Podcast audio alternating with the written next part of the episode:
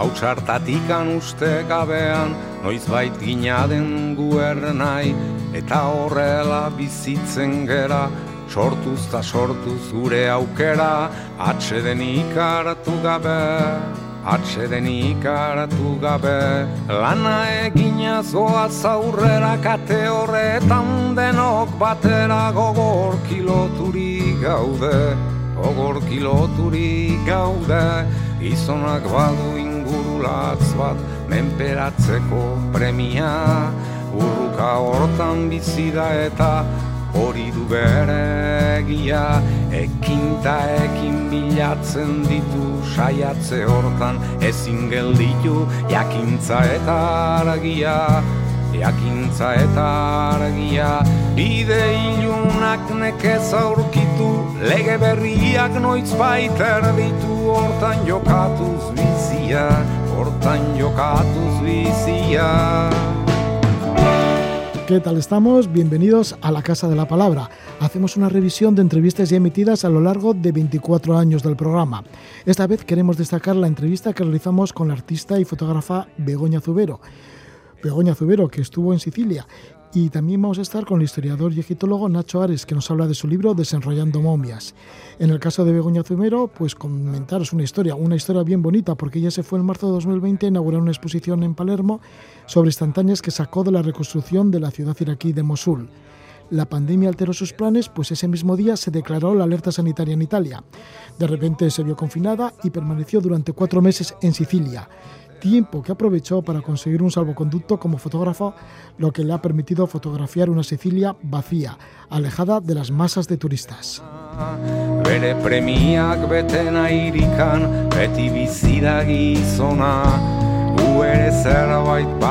Luego estamos con el historiador Nacho Ares, es uno de los mejores divulgadores de la egiptología.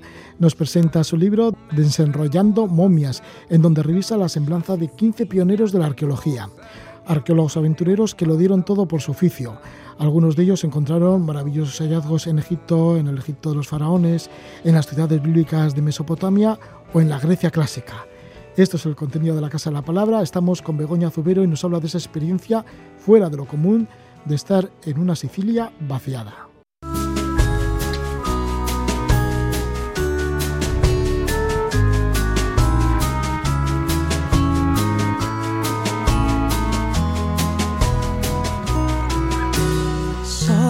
Nel vederti infrangere i principi sui quali era salda un esemplare dignità condizione inammissibile la discutibile urgenza per cui è indispensabile uniformarsi alla media si dice che ad ogni rinuncia corrisponda una contropartita considerevole, ma l'eccezione alla regola insidia la norma se è vero che ad ogni rinuncia corrisponde una contropartita considerevole. Privarsi dell'anima comporterebbe una lauta ricompensa. Soffro nel vederti compiere zarre movenze indotte da un burattinaio scaltro. Credi sia una scelta ammirevole. Gira lo sguardo severo e vigile della propria coscienza. Si dice che ad ogni rinuncia corrisponda una contropartita considerevole, è. Es la cantante siciliana Carmen Consoli. Nos vamos hacia Sicilia y estamos con una persona que ha tenido el privilegio de conocer Sicilia vacía Fijaros ¿eh? lo turística que es Sicilia y nuestra invitada pues la ha conocido en los tiempos de el inicio de la pandemia, cuando todo el mundo estaba confinada. Y es que estamos con la fotógrafa artística Begoña Zubero, que ha permanecido durante cuatro meses en la isla de Sicilia. Y coincidió que el mismo día que se inauguraba una exposición con 18 fotografías de Begoña Zubero, eh, fotografías de gran formato sobre la ciudad aquí de Mosul, se declaró el confinamiento en Italia. Durante este tiempo permaneció encerrada acogida por una familia siciliana y luego consiguió un salvoconducto para moverse por toda la isla y realizar un trabajo fotográfico. Ha tenido ese gran privilegio de conocer Sicilia vacía. Begoña Zubero, en diciembre de 2018, fotografió la ciudad de Mosul, principal urbe del norte de Irak.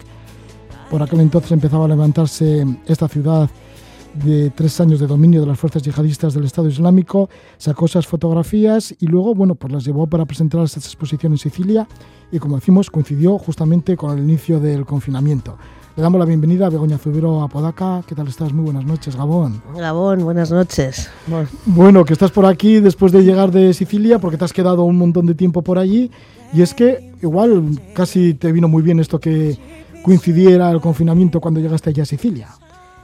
Eh, bueno, yo creo que el balance final, desde luego, es muy positivo.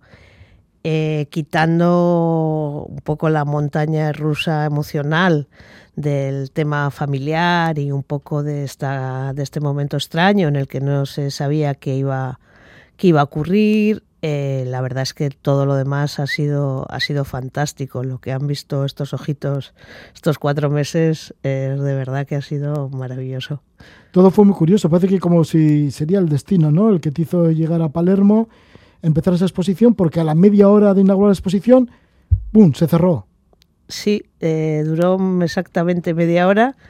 Eh, bueno, había una posibilidad, pero tampoco cuando me fui el chiste era, pues si hay un confinamiento me lo pasaré en Sicilia comiendo salmonetes, pero no era más que un chiste. y luego resulta que de repente esto se hace realidad. La exposición eh, tenía una inauguración de un corte así un poco eh, institucional y, por esto se hizo durante la mañana, se hizo a las 11 de la mañana y se cerró a las once y media. Y me dijo un amigo, eh, vais a inaugurar con café en vez de con vino, eso da mala suerte. Eh, estás acabada, es una inauguración tuya, que, que se inaugure con un té y unas pastas y un café, eso mal. Y, este fue el chiste, ¿no? Pero sí, así fue. O sea, al de media hora eh, se cerró y afortunadamente se ha reabierto. Pero... Sí, luego se reabrió. Bueno, pues esta exposición de 18 grandes fotos, bueno, fotografías de gran formato, eran sobre lo que sacaste en Mosul, en Irak, y el lugar de la exposición es el Palacio de San Elía de Palermo. O sea que el lugar sería un lugar bastante idílico, es un lugar bastante idílico. Sí, está cerca, está la vía Maqueda, que es la vía de los cuatro cantos, está muy cerca de lo que es el centro, centro neurálgico de Palermo, y es un palacio barroco precioso y es un, lugar, bueno, pues estupendo para, para que acoja una, una exposición, ¿no? Creo que mis fotos están, están muy contentas de estar ahí. Sí, el día de los hechos fue el 9 de marzo, en la inauguración, el 9 de marzo a las 11 de la mañana, ya a las 11 y media se cerró, pero bueno, ahí está esa exposición que luego se ha vuelto a reinaugurar y lleva el título de NEF, no es exótico, es vital. Y esto es sobre la ciudad de Mosul. Sí, es, una, es mi mirada sobre sobre la idea de la destrucción y la reconstrucción, sobre la idea de cómo surge la vida.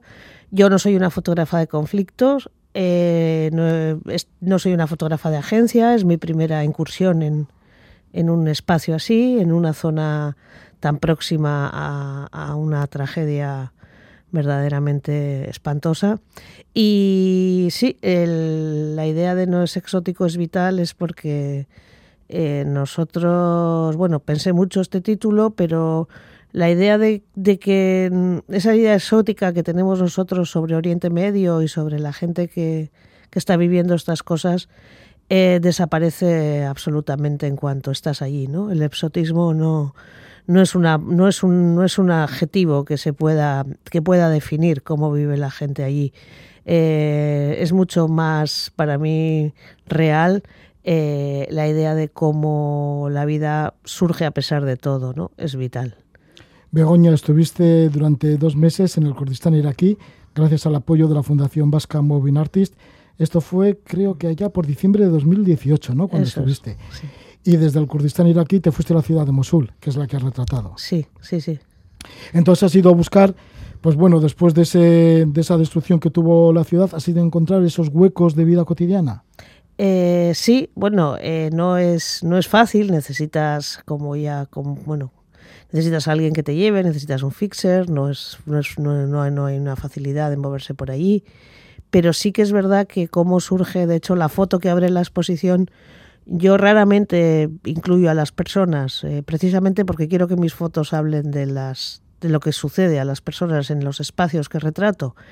Y me parece que las, si en las fotografías aparece gente, eh, la foto es más anecdótica, no es mejor ni peor, es más anecdótica. Entonces normalmente las excluyo. Sin embargo, la, foto que abre la exposición es una foto de un espacio urbano de destrucción vital con una mezquita y una iglesia copta, dos niñas que van a la escuela perfectamente vestidas y impolutas, un señor que va una, con una cartera a la oficina y dos mujeres con su, que, con su, que van a la compra. Y entonces, esta, aparente normalidad de vida en semejante espacio parece casi que lo he que lo he hecho con Photoshop, ¿no? O sea, que he trasplantado a esa gente y no, es así. O sea, esa foto no tiene absolutamente nada de, de impostado ni de truco, es, es total, ¿no? Es, y es lo que sucede. Porque el espacio urbano está destruido, está en ruinas. Está destruido a unos niveles que solamente yo creo que una catástrofe natural, tipo un terremoto, un volcán, eh, puede, puede, puede igualar, ¿no? O sea, el nivel de destrucción es, es, es bárbaro, ¿no? Es tremendo. Y esto es lo que has mostrado en esta exposición en Palermo. Y entonces decíamos eso, bueno, pues que se inauguró, al cabo de media hora se, se paró, entonces ya tenías que estar confinada, no podías regresar a tu tierra, aquí al País Vasco, en concreto a Bilbao. Y entonces, ¿cómo te ha ido durante estos cuatro meses? Porque no has perdido el tiempo.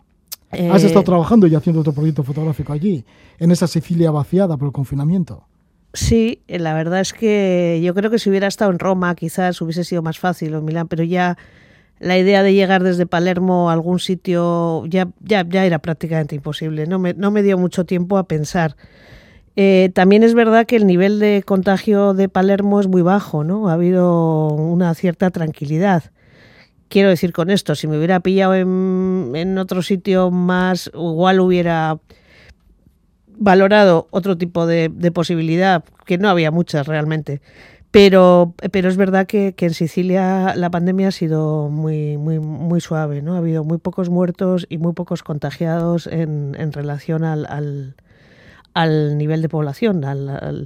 Y entonces, pues eh, bueno, em, había una persona que era la coordinadora de la exposición, que era una persona de Sicilia, que se llama Rosana Cicero, que ha sido, bueno, un poco mi mamá, mi todo. Nos, y, pero también es verdad que no nos conocía, o sea, teníamos una relación puramente laboral, ¿no? De, de organización de esta exposición. Y sí nos habíamos visto una vez, hacía unos meses, pero nuestra relación era para nada personal. Pero claro, Rosana me dijo inmediatamente, no, yo estoy en Palermo, quédate en mi casa.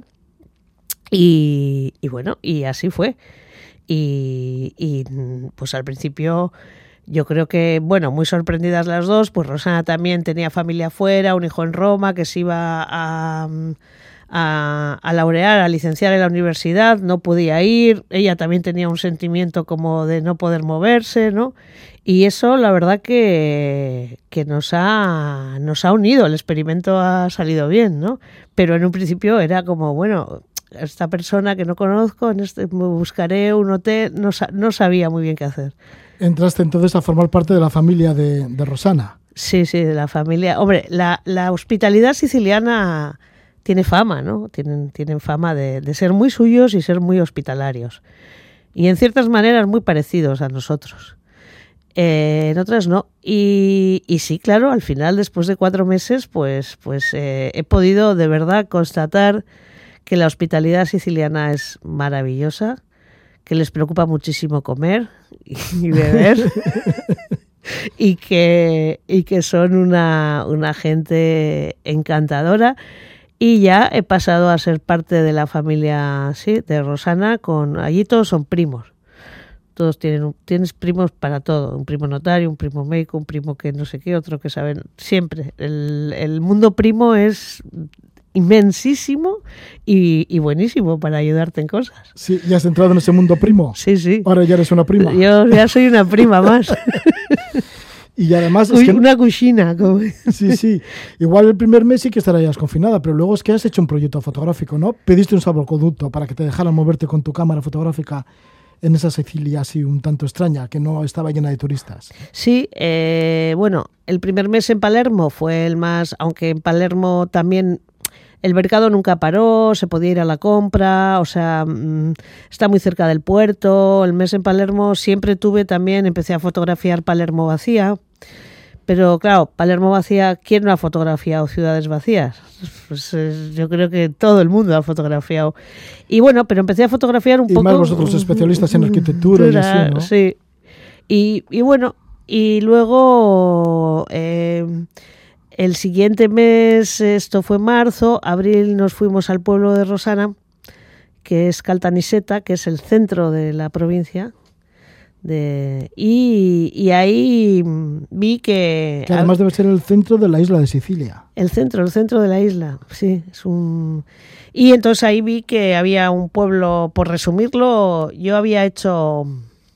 Había hecho hace años un, un proyecto sobre pueblos de colonización con la beca Botín y vi que había un pueblo de estos de y un amigo me dijo entonces en Sicilia hay pueblos de esos que hizo Mussolini y tal y dije yo va voy a ir a Sicilia pues estoy yo como para ir a Sicilia y mira por dónde pedí un, un documento a la embajada que decía la verdad que bueno pues que yo era una artista que estaba confinada allí que no podía salir, que me interesaba retratar el momento actual histórico de la isla y que respetando todas las normas de, higiene y de seguridad, pues que me podía mover. Y que necesitaba un conductor y traductor, en este caso conductora y traductrice, que era Rosana Cícero, y entonces pues ella también se pudo venir conmigo al pueblo. Así que entre las dos hicisteis esas andanzas por todo Sicilia. ¿Te moviste mucho entonces? No, luego Rosana se quedó, se quedó, en, se quedó en su pueblo y yo ya. Pero tú sabrás casi italiano, ¿no? Porque has, vivido en Roma, estuviste sí. en Roma, has hecho trabajos, proyectos muy largos también en Roma sobre el río Po, por ejemplo. Sí, bueno, lo, lo entiendo, lo entiendo muy bien y ya ahora muchísimo mejor. Lo entiendo bien, sí, y lo leo bien. Eh, lo destrozo hablando, pero me manejo. Pero lo gracioso es que del confinamiento es que Rosana me decía, es que no es que vayas a acabar tú aprendiendo italiano, es que yo voy a acabar hablando italiano como tú de mal. Sí. Y entonces, bueno, eso, ¿te moviste mucho por, por Sicilia? Sí, en cuanto... Porque ibas buscando esos pueblos, ¿no? Esos pueblos... Eh, de la época de Mussolini, que sí, son, Mussolini, son borgos, eh, bueno, son borgos de colonización, son, son proyectos que se hicieron en esos años. ¿Borgos de colonización que significan pueblos de colonización? Sí, sí, sí. Eh, eh, son pueblos que se hicieron como para mejorar las condiciones de, de, la, de la vida en el campo, ¿no? Que era eran unas condiciones muy, muy duras y muy precarias y tenían pues una plaza con iglesia, ayuntamiento, escuela, taberna, dispensario y bueno, más o menos tenían todos este tipo de, de, idea, ¿no? Eh, y bueno, pues lo primero que hice fue comprarme un mapa sábana de Sicilia. Sicilia es una isla bastante abarcable, la verdad. Y con el mapa sábana me hice mis rutas y nada, me alquilé una panda, como dicen ellos. Y un Fiat Panda. Un Fiat Panda. Con tu gran mapa. Y con mi mapa sábana, pues me hice mis rutas. Que estaría el mapa por todo el, el panda, ¿no? Sí, sí, el panda, el mapa cuando era grande era, era, vamos. Y bueno, la verdad es que he estado por zonas bastante solitarias, porque los pueblos de estos muchos, algunos están habitados, algunos no, otros están abandonados y otros están en zonas realmente aisladas. O sea que... Así que has recorrido eso como, como cuántos pueblos de Sicilia. Eh, yo creo que habré hecho fotos de unos 30, 31, 32, pero que están por todas partes, o sea, están en toda la geografía. Unos están más hacia las costas, otros están en el parque hacia el Etna, otros están más llegando a Palermo, o sea, en realidad están bastante dispersos. Y esto pues me ha llevado a, a recorrer realmente Eh, tenía otro problema que no estaba todo cerrado. Yo pensaba ya dormir en el coche, no había hoteles, no había Airbnb, no había nada. Pero una vez más, Rosana vino, Rosana y sus contactos. Y como conocía gente que tenía Airbnb, pues eh, ellos me dejaron sitios para dormir. Yo me hice una especie de, de trayectos para ver. Y claro, pues una gente encantadora, no me querían cobrar, así que yo les he pagado con fotos de los Airbnb. Eh, que siempre les vienen bien porque quieren poner la página web, tal, no sé qué. Entonces, toda esta gente maravillosa que me ha dejado, eh, me dejaba dormir en, en, estos sitios que no, que no podían alquilar porque estaba todo cerrado, pues yo les hacía mi pequeño reportaje y luego se lo mandaba y así ha sido un truque bonito este. ¿Cómo se siente Sicilia? Sicilia sin gente o sin tanto extranjero, tanto turista. No, Sicilia sin gente porque es que en un momento dado no había en la calle ni sicilianos. Para mí ha sido una experiencia realmente a veces como un sueño. O sea, por ejemplo, ver todo el barroco de la zona de Ragusa, Módica, con esta luz. Eh, es que ha sido una cosa, por una parte no he podido entrar a muchos sitios, a muchos museos, a muchos, ¿no? No he podido ver muchas cosas porque estaban cerradas, pero digamos que a cambio he podido ver eh, una Sicilia que no que, que, que, que, es maravillosa. Y hay otra parte también no solamente en, en la idea de, de, la piedra no la idea monumental. He descubierto que abril es el mes para estar en Sicilia que el interior de Sicilia es maravilloso y claro cuando yo llegué en abril Sicilia estaba verde porque todo el trigo y el grano está verde. Y durante el abril se convierte en amarillo, en una serie de tonos con, con el, el, el finocchio salvaje que es amarillo y es impresionante ver cómo evoluciona toda esta naturaleza de color. El paisaje siciliano es, es realmente intenso y, y maravilloso. ¿no? Creo que, que, fue Goethe quien dijo eh, que es un gran desierto de fecundidad. Eh, no sé si estoy citando bien, pero creo que fue él. Y, me ha parecido fantástico eh, poder ver ese cambio en abril en el interior sin nadie, ¿no? Esas carreteras vacías, todo vacío, y esa luz y esa naturaleza. Esa naturaleza, y más con el confinamiento, pues nada de contaminación, supongo que el aire estaría muy puro. Bueno, el aire, vamos, en Santa Caterina de Vilahermosa, que es donde estoy, en Santa Caterina de Vilahermosa, 800 metros de altitud, había en todo el pueblo, que no sé si son 9.000 habitantes, uno que pasó, que estuvo contagiado y que ya lo, o sea, un, una persona enferma y, y un aire purísimo.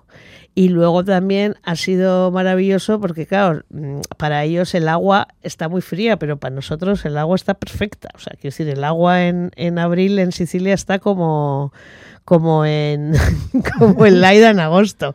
Entonces, eh, ellos se asombran muchísimo, pero, pero luego cuando se ha relajado todo un poco más, me he podido dar unos baños también fantásticos en, en esas aguas, sin, eso sin revolver, sin contaminar, y en esas playas ¿no? vacías. Lo que decíamos, una privilegiada esos cuatro meses en Sicilia, ya que, pues eso, que justo empezaste cuando fue el confinamiento, ¿no? La alarma sanitaria, justo cuando empezó la, tu, tu exposición. A la media hora ya, bueno, se inauguró y a la media hora se cerró. Y ahí entonces has tenido que vivir en Palermo, en la capital de Sicilia. Te acogió tu amiga Rosana, que era la coordinadora de la exposición. Y gracias a ella, pues, pues estás metido en una familia siciliana y has vivido pues todas esas, todas esas experiencias únicas, ¿no? Sí. Y además a ti que te gusta tanto la belleza y que te gusta tanto Italia, pues todavía mucho mejor. Bueno, yo creo que, a ver, yo creo que nosotros no estamos genéticamente preparados para tanta belleza. Entonces, porque los italianos están genéticamente preparados para tanta belleza natural y, y artificial. La llevan puesta ya. Sí, ¿no? ¿no? la llevan, eso son genes. Entonces nosotros al no estar preparados, pues tenemos momentos de, pues eso, quizás de síndrome de Stendhal mal curado, de, de cosas así que, que te dejan realmente que te, te, te, te, te emocionan, ¿no? Y es, es cierto es una, es una cosa... Me ha encantado Catania frente a Palermo. Catania me ha parecido, o sea, soy una gran enamorada de Catania. Carmen Consoli es de Catania. Eso, eso estaba pensando. Y Bateato también es sí. de Catania. Hay grandes cataneses ilustres. Y frente a Palermo, Catania es una ciudad canalla, es una ciudad negra como el Etna, que tiene ese todo, porque está justo. Y es una ciudad, los sicilianos dicen que, que los palermitanos hablan y los cataneses hacen. ¿no? Y, y, es esa, frente a, a ese sesgo, digamos, aristocrático que puede tener Palermo eh, Catania tiene ese sesgo canallesco de puerto, de, de, de, de mercadeo. Me ha, me ha, encantado, me ha encantado. Aunque bueno, creo que tiene el mayor índice de robo de coches de Italia. Pero no te pasó nada con el Fiat Panda. No, no, no. La Panda se portó como una como una, porque bueno, ahí la máquina, claro, es femenino, ¿no? La máquina. Eh, sí, y entonces la, la, panda se portó como un, una maravilla. Muchísimas gracias por estar con nosotros, Begoña Zubero, que si en otra ocasión nos hablaste de Mosul, Mosul lo trasladaste en la exposición a Palermo y ahora tu segundo proyecto, el siguiente proyecto me imagino que será ver una exposición, ¿no? Sobre todo lo que has vivido en Sicilia. Eh, sí, yo espero ahora, yo ya, ya he cazado, ya tengo la caza y ahora tengo que cocinarla aquí y tengo que ver cómo, bueno, ahora queda estudio y a ver qué, qué, proyecto sale. Y bueno, encantada como siempre de, venir a hablar contigo. Encantadísimos, Begoña, de que estés con nosotros. Begoña Zubero, fotógrafa y artista, que vaya todo muy bien, suerte y estamos deseando ver esas fotografías de, de la experiencia vivida en Sicilia. Pues muchas gracias y espero que las podáis ver pronto.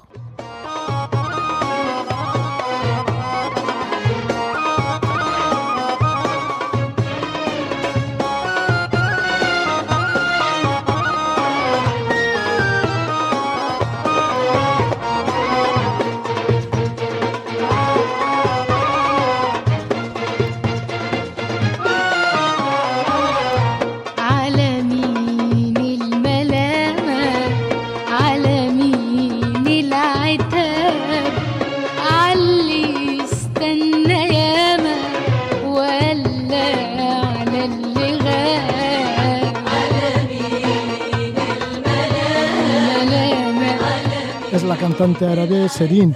Vamos a hablar del libro Desenrollando momias del egiptólogo Nacho Ares. Nacho Ares, que nació en León en el año 1970. Es licenciado en Historia Antigua, obtuvo el certificado de Egiptología en la Universidad de Manchester, ha publicado casi una veintena de ensayos sobre el Antiguo Egipto y varias novelas históricas ambientadas en el Egipto de los faraones. Nos vamos a referir a su libro, Desenrollando momias, en donde recopila 15 biografías dedicadas a los padres de la arqueología moderna. Abarca desde finales del siglo XVIII hasta principios del siglo XX y más o menos la zona geográfica es el Oriente Medio. Y cuenta pues la vida de Vivant de Nord y la expedición napoleónica a Egipto, también la de Jean-François Champollion, el desciframiento de los jeroglíficos, también aparece Henry Layard y el descubrimiento de Nínive o Heinrich Schliemann en Troya, Howard Carter en la tumba de Tutankamón, entre otros muchos. Le damos la bienvenida a Nacho Ares. ¿Qué tal estás, Nacho? Muy buenas noches. ¿Qué tal? ¿Qué tal, Roge? Muy buenas noches. ¿Cómo estás? Bien, pues todos estos arqueólogos te fascinan desde niño. ¿Qué te descubrieron en ti desde niño estos arqueólogos? Pues fíjate, yo descubrí la vida de muchos de ellos cuando era un adolescente, con, con 14, 15 años, cayó en mis manos un libro que se llamaba Dioses, tumbas y sabios, que es una historia de la arqueología, yo creo la mejor que se ha escrito nunca, y entre sus páginas, aparte de describir monumentos de Oriente Próximo y muchos de ellos de Egipto, pues eh, contaba la vida, ¿no?, de, de esos descubridores en el siglo, a finales del XVIII y comienzos del XIX, que lo dejaron todo por, por ir allí a las arenas del desierto a descubrir la historia de nuestro pasado, ¿no? La historia de en aquella época de, de su propio pasado con toda la polémica que había en, en, esa, en esa época de finales del, del siglo XVIII, comienzos del XIX, con la posible verosimilitud, realidad o no, que hubiera en los textos bíblicos. ¿no? Era una historia fascinante que a mí me cautivó siendo niño y que a lo largo de muchísimos años me ha, pues eso, me, ha empujado ¿no? a seguir, no tanto sus huellas desde el punto de vista arqueológico, ya me hubiera gustado eh, descubrir la ciudad de Nínive, pero por lo menos conocer sus vidas, ¿no? sus autobiografías. Sí, afirmas en tu libro que uno de los aspectos que más te han cautivado de estos arqueólogos es que daban su vida por el descubrimiento del pasado. Sí, porque hay que pensar que muchos de ellos eran gente pues muy acomodada y precisamente si no hubieran pertenecido a clases altas de la sociedad, eh, bien haber sido nobles o gente de, de eh, burgueses del momento con mucho dinero y familias con mucho dinero, pues no podrían haber viajado, ¿no? Y de alguna manera dejaron absolutamente todo en Europa para seguir viviendo pues con, con, con muchas penurias en, en el desierto. Hay que pensar que hoy, claro, estamos acostumbrados a ir en viajes organizados, con hoteles de cinco estrellas, con unas comodidades extraordinarias, pero que en aquella época no existían y tenían que vivir al, y dormir al raso en, en lugares hoy muy hoy algunos de ellos son peligrosos, sobre todo en la zona de Irak, pero en aquella época también lo eran, ¿no? Y el contacto con Occidente pues todavía no estaba lo suficientemente abierto como lo vemos en la actualidad. Nacho, para hacer esta entrevista hemos esperado varios meses porque estás de continuo yendo y viniendo a Egipto. ¿Has viajado a bastantes de estos enclaves asociados a los protagonistas de esta obra, de Desenrollando momias? Pues sí, precisamente una de las cosas que, que a mí más me gusta de, de trabajar de, en biografías de, de, arqueólogos, que es mi verdadera pasión, la historia de la arqueología, es poder visitar in situ aquellos lugares en donde ellos desarrollaron su trabajo. ¿no? Hay que pensar que este libro yo lo escribí hace prácticamente dos décadas y que haya estado durmiendo un poco el, el paso de los años en, en el cajón de, de, mi oficina, pero en esos 20 años también he aprendido muchas cosas leyendo y sobre todo visitando. He tenido la, la posibilidad, la oportunidad de visitar, eh, lógicamente, en muchas ocasiones Egipto, pero también Grecia, Irán, Jordania, eh, Turquía, muchos de los sitios que aparecen en el, en el libro, ¿no? Y las vivencias que uno tiene cuando está in situ en los lugares que han protagonizado estos arqueólogos, yo creo que es un poco la idea que yo pretendía de transmitir en, en estas páginas de Desarrollando Momias. De manera que te has impregnado muchísimo en el espíritu de los biografiados. Nos situamos a principios de julio de 1798 y ahí aparece Napoleón Bonaparte, que tras duros meses de navegación por el Mediterráneo de la flota francesa ya desembarca en Egipto. ¿Qué supuso la llegada de Napoleón a Egipto para el estudio de la historia antigua de este país? Pues fíjate, la, la derrota de Napoleón, que en realidad fue la, a enfrentarse contra las tropas de, de Horacio Nelson, en, en Egipto, pues de, esa derrota en realidad salió una victoria cultural, ¿no? Yo siempre he dicho que jamás una derrota fue tan exitosa, en el sentido de que eh, Napoleón eh, volvió cabizbajo por la derrota con, con, los ingleses, pero supo transformar, supo dar la vuelta a la tortilla y vender la imagen a Occidente de una conquista cultural, es decir, la descripción de Egipto, que son los volúmenes, eh, casi, eh, casi 30 volúmenes de, de, libros, entre textos y, y libros con, con, láminas que él se trajo de, Egipto, con todo ese grupo de sabios que le acompañaron en la expedición que decías ahora de 1798, pues suponía pues un, uno de los grandes logros científicos de la época. Hasta entonces, pues el conocimiento que se tenía de, de Egipto era a través de autores clásicos, de algunos pocos viajeros que habían tenido la valentía y, eh, y, bueno y la decisión de, viajar hasta el Valle del Nilo en, en épocas eh, pretéritas, pero a partir de 1798 sí que es cierto que no se conocía el jeroglífico, todavía no se había descifrado, lo haría Champollion en 1822, pero se dieron las bases para el conocimiento de una nueva ciencia que era la egiptología y también sembrar la huella para poder hacer lo mismo en otros lugares de Oriente Próximo, ¿no? como era Irán, Irak, eh, Turquía, el Líbano, eh, Siria y Grecia también, ¿no? O sea, todos estos enclaves del Mediterráneo Oriental que es en definitiva la cuna de donde surge nuestra cultura hace hace prácticamente dos mil años y que poco a poco nosotros hemos ido heredando, ¿no? Y es un poco el valor que tiene la expedición de Napoleón en ese sentido, ¿no? De fue una derrota militar, pero hoy nadie se acuerda de esa derrota militar y solamente se piensa en la victoria eh, cultural para la ciencia que tuvo esa expedición de 1798. De 1798, pues saltamos otra fecha que acabas de nombrar, 1822. ¿Quién fue Jean-François Champollion? Champollion fue quizá el, el, padre de la egiptología moderna. Él descifró la escritura jeroglífica en una bueno en una publicación en una clase magistral que dio en septiembre de, de ese año y que permitió pues por primera vez eh, bueno pues destapar como he dicho yo muchas veces no el tarro de las esencias de, de la cultura de los faraones. Egipto solamente era conocido hasta entonces por medio de los textos que habían llegado a nosotros de la Biblia y sobre todo de autores clásicos es decir en una versión bastante eh, romántica me atrevería a decir no y por primera vez a partir del desciframiento en esta época en el primer tercio del siglo XIX, pues empiezan a cobrar vida, empiezan a tener sentido, pues muchos textos que hasta entonces pues eran mudos, ¿no? Autobiografías en tumbas de grandes protagonistas, de oficiales, de administrativos, de, de artistas que había en, Egipto, en, la zona de, de, Tebas, y sobre todo textos religiosos, ¿no? Los textos de las pirámides que aparecerían después, los textos de los ataúdes, de los sarcófagos, en definitiva, pues conocer una cultura muchísimo más de cerca de lo que se había tenido hasta entonces, ¿no?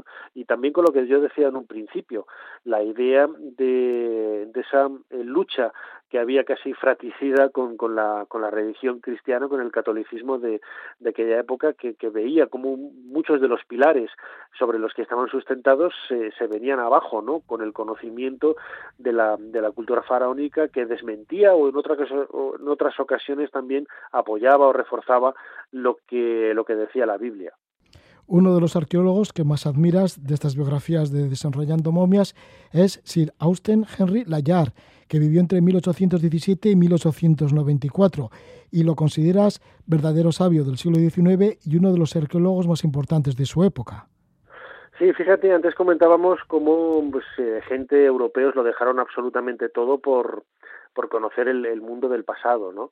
Eh, Henry Layard es eh, quizá uno de los eh, máximos baluartes de esta historia, eh, porque él pertenecía a una familia acomodada, de políticos, de abogados, él, bueno, pues estudió abogacía también, empujado un poco por, por la decisión de, de, de sus padres, y caminaba hacia Oriente pues para trabajar en una de las empresas familiares y el camino de, de Oriente, del lejano Oriente, se, se planta en, en, Turquía y a partir de ahí desciende hasta, hasta Irán e Irak y decide no, no, no, no continuar su viaje ¿no?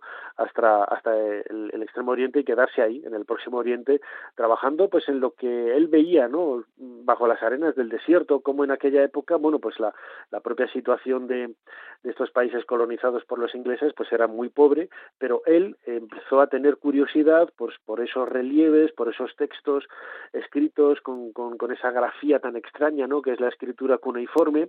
En aquella época todavía no se había descifrado, estamos a mediados del siglo XIX, pero Henry Layard tuvo pues el, tino ¿no? de, de, ponerse un objetivo, ¿no? de plantearse una, una meta en, en, su, bueno, en su arqueología un tanto eh, primitiva y era buscar la ciudad de Nínive. Nínive, que era una de las grandes protagonistas de, de, bueno, un escenario de muchos de los momentos que se viven en el Antiguo Testamento, en la Biblia. Encontrar Nínive no solamente era un gran logro desde el punto de vista de la, de la arqueología, sino también eh, respaldar la idea de que muchos de esos relatos que se cuentan en el Antiguo Testamento son reales, algo que en aquella época se empezaba a poner en duda y que Henry Layard, pues eh, más con, con un eh, bueno, pues con un empuje científico que religioso, pero consiguió dar con, con la ciudad de, Nínive, con, con, otras ciudades también del mundo asirio y descubrir pues un, una ciudad, una cultura que hasta entonces eh, nadie, nadie había conseguido casi poner eh, eh, con, con, letras de oro en, en, la historiografía, ¿no? en los libros de historia. Y él fue el primero en sacar todos esos relieves con animales alados, eh, personajes barbados muy fuertes, los grandes reyes asirios, los guerreros asirios, todo ello, que gran parte de su trabajo hoy se puede ver en, tanto en el Museo del Louvre en París como en el Museo Británico de Londres, pues viene producto de, esos grandes años de trabajo en, en lo que hoy es Irak.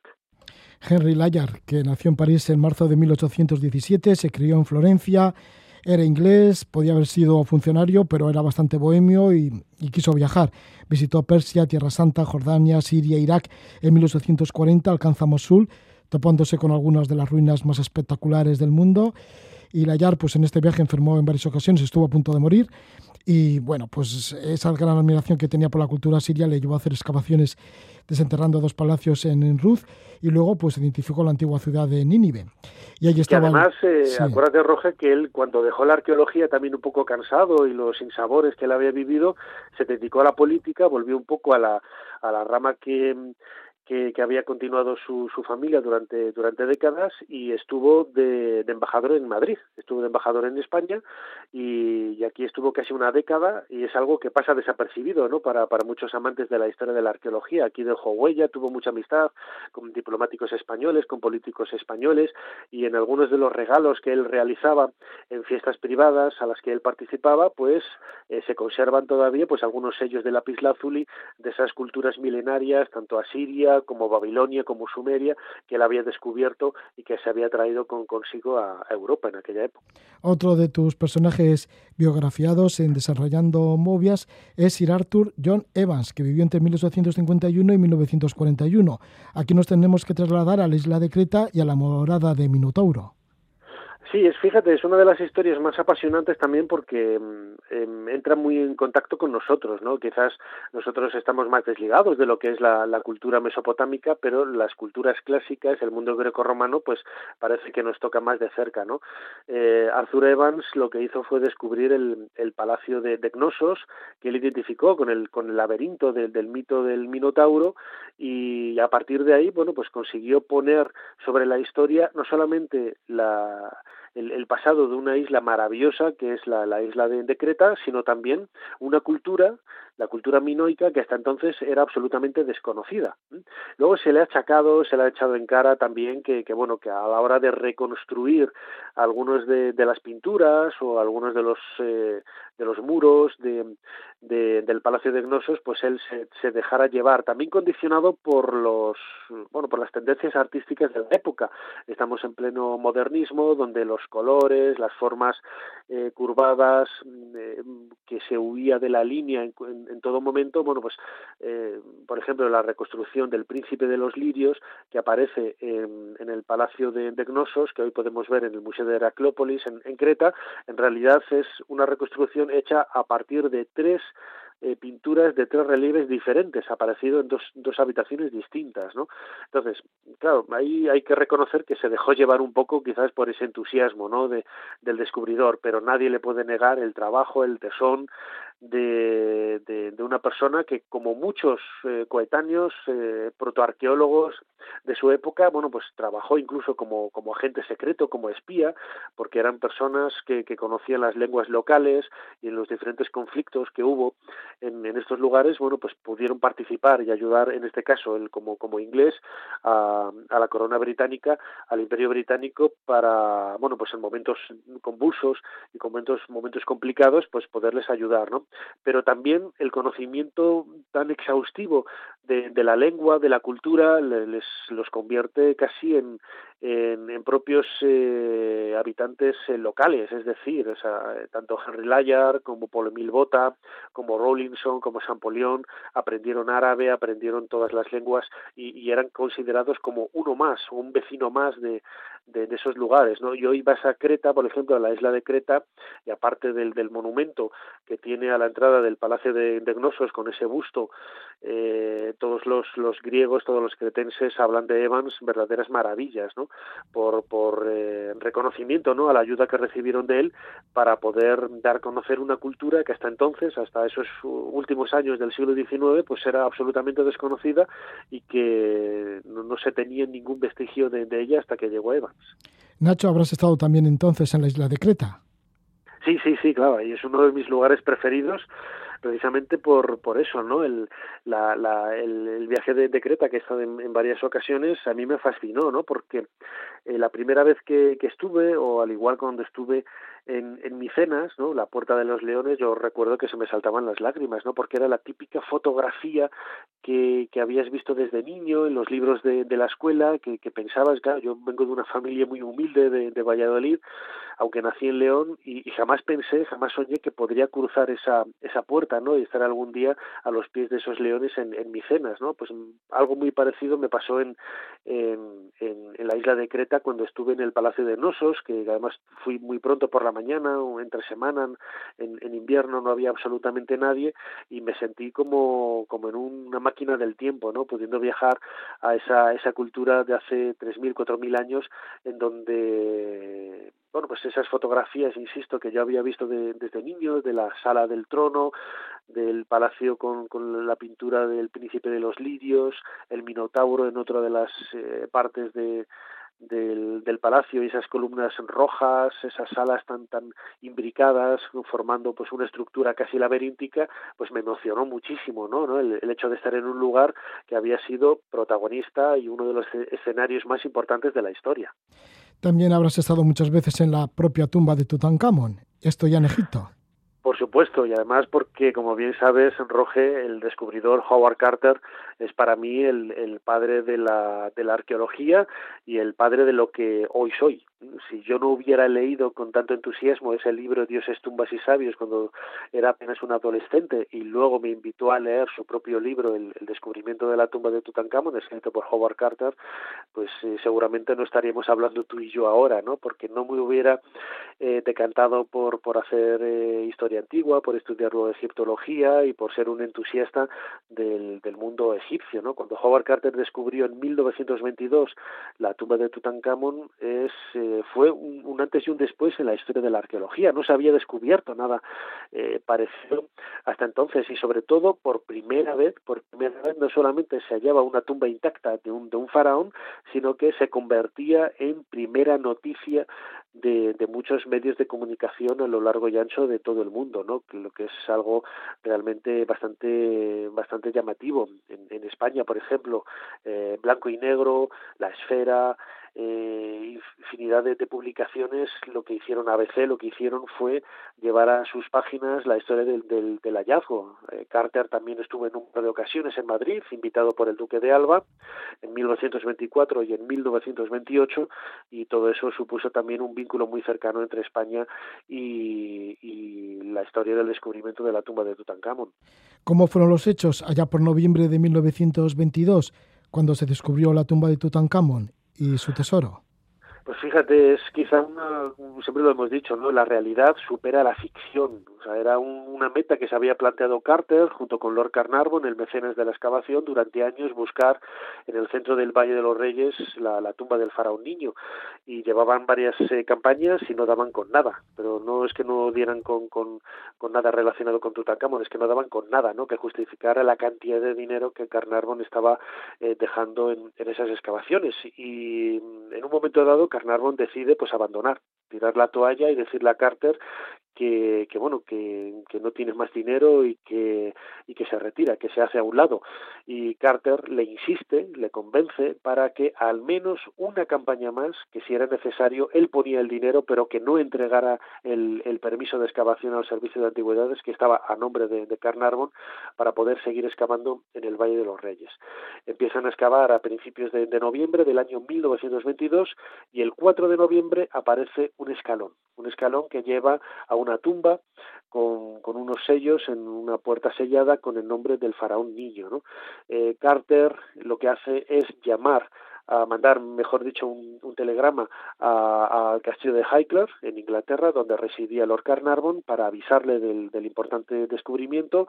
Eh, va corriendo para, para Egipto el, el Lord inglés y el 26 de noviembre después de haber vaciado los escombros de, de, ese primer pasillo en donde había muy pocos objetos, pero bueno, ya tenían todos el nombre de, de Tutankamón, sabían que habían estado en, en, el buen lugar y que esa era la tumba de Tutankamón, pero el miedo que había es que, como todas las tumbas del Valle de los Reyes, hasta entonces, pues estuviera saqueada, ¿no?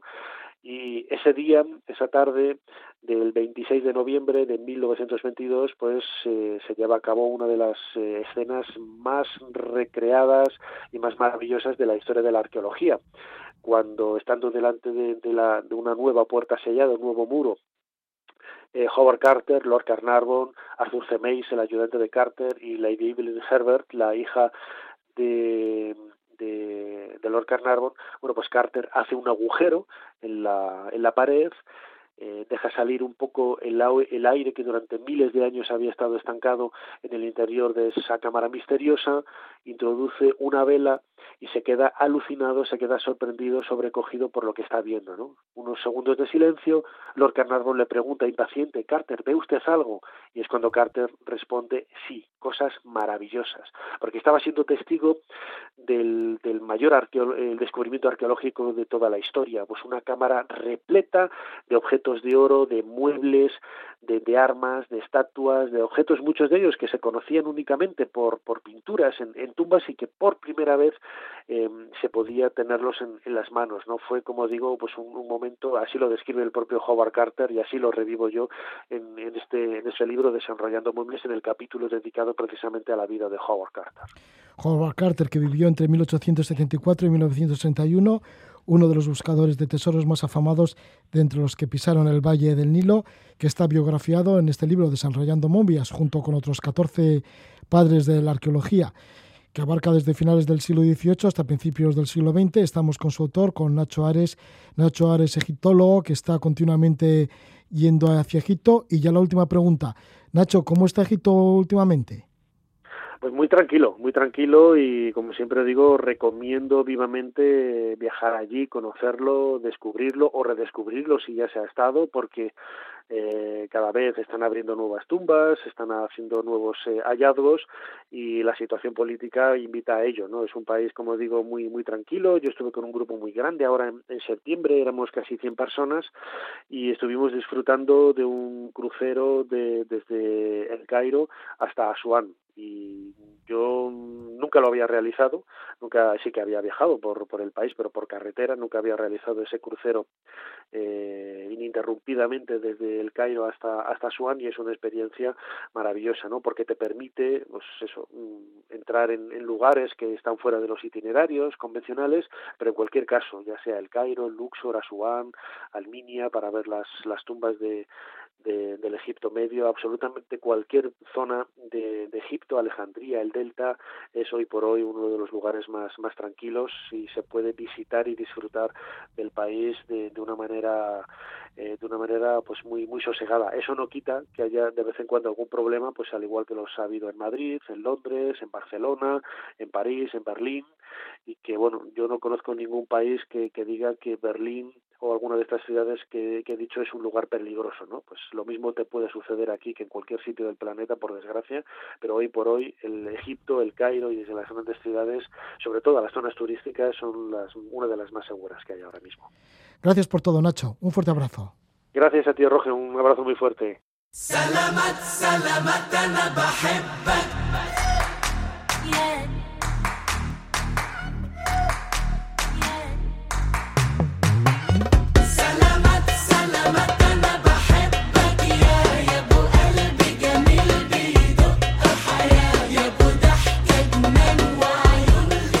Dejamos a Nacho Ares desenrollando momias. Nosotros nos quedamos con la música de John Mayer.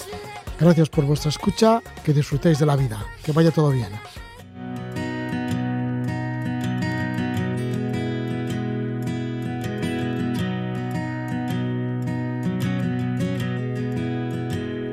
I guess I just feel like. Guess I just feel like. Nobody's honest, nobody's true. Everyone's lying to make it on through. I guess I just feel like. I'm the same way too.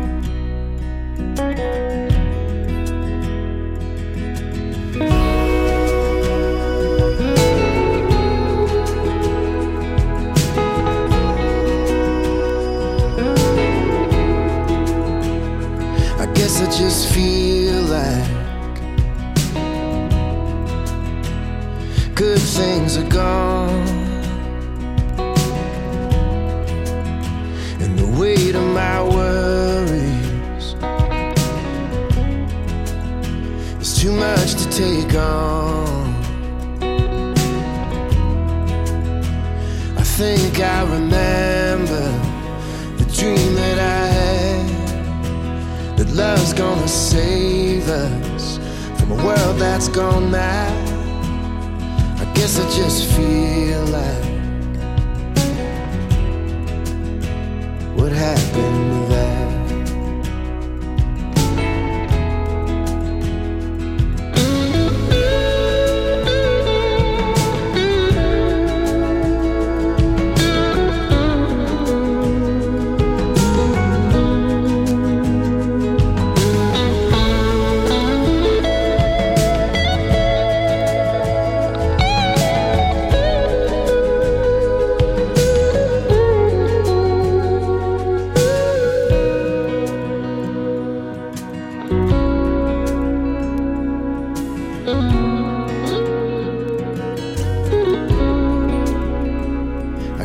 Just feel like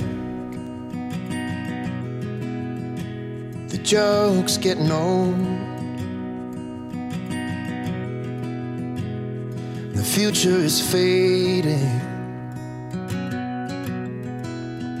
and the past is on hold. But I know that I'm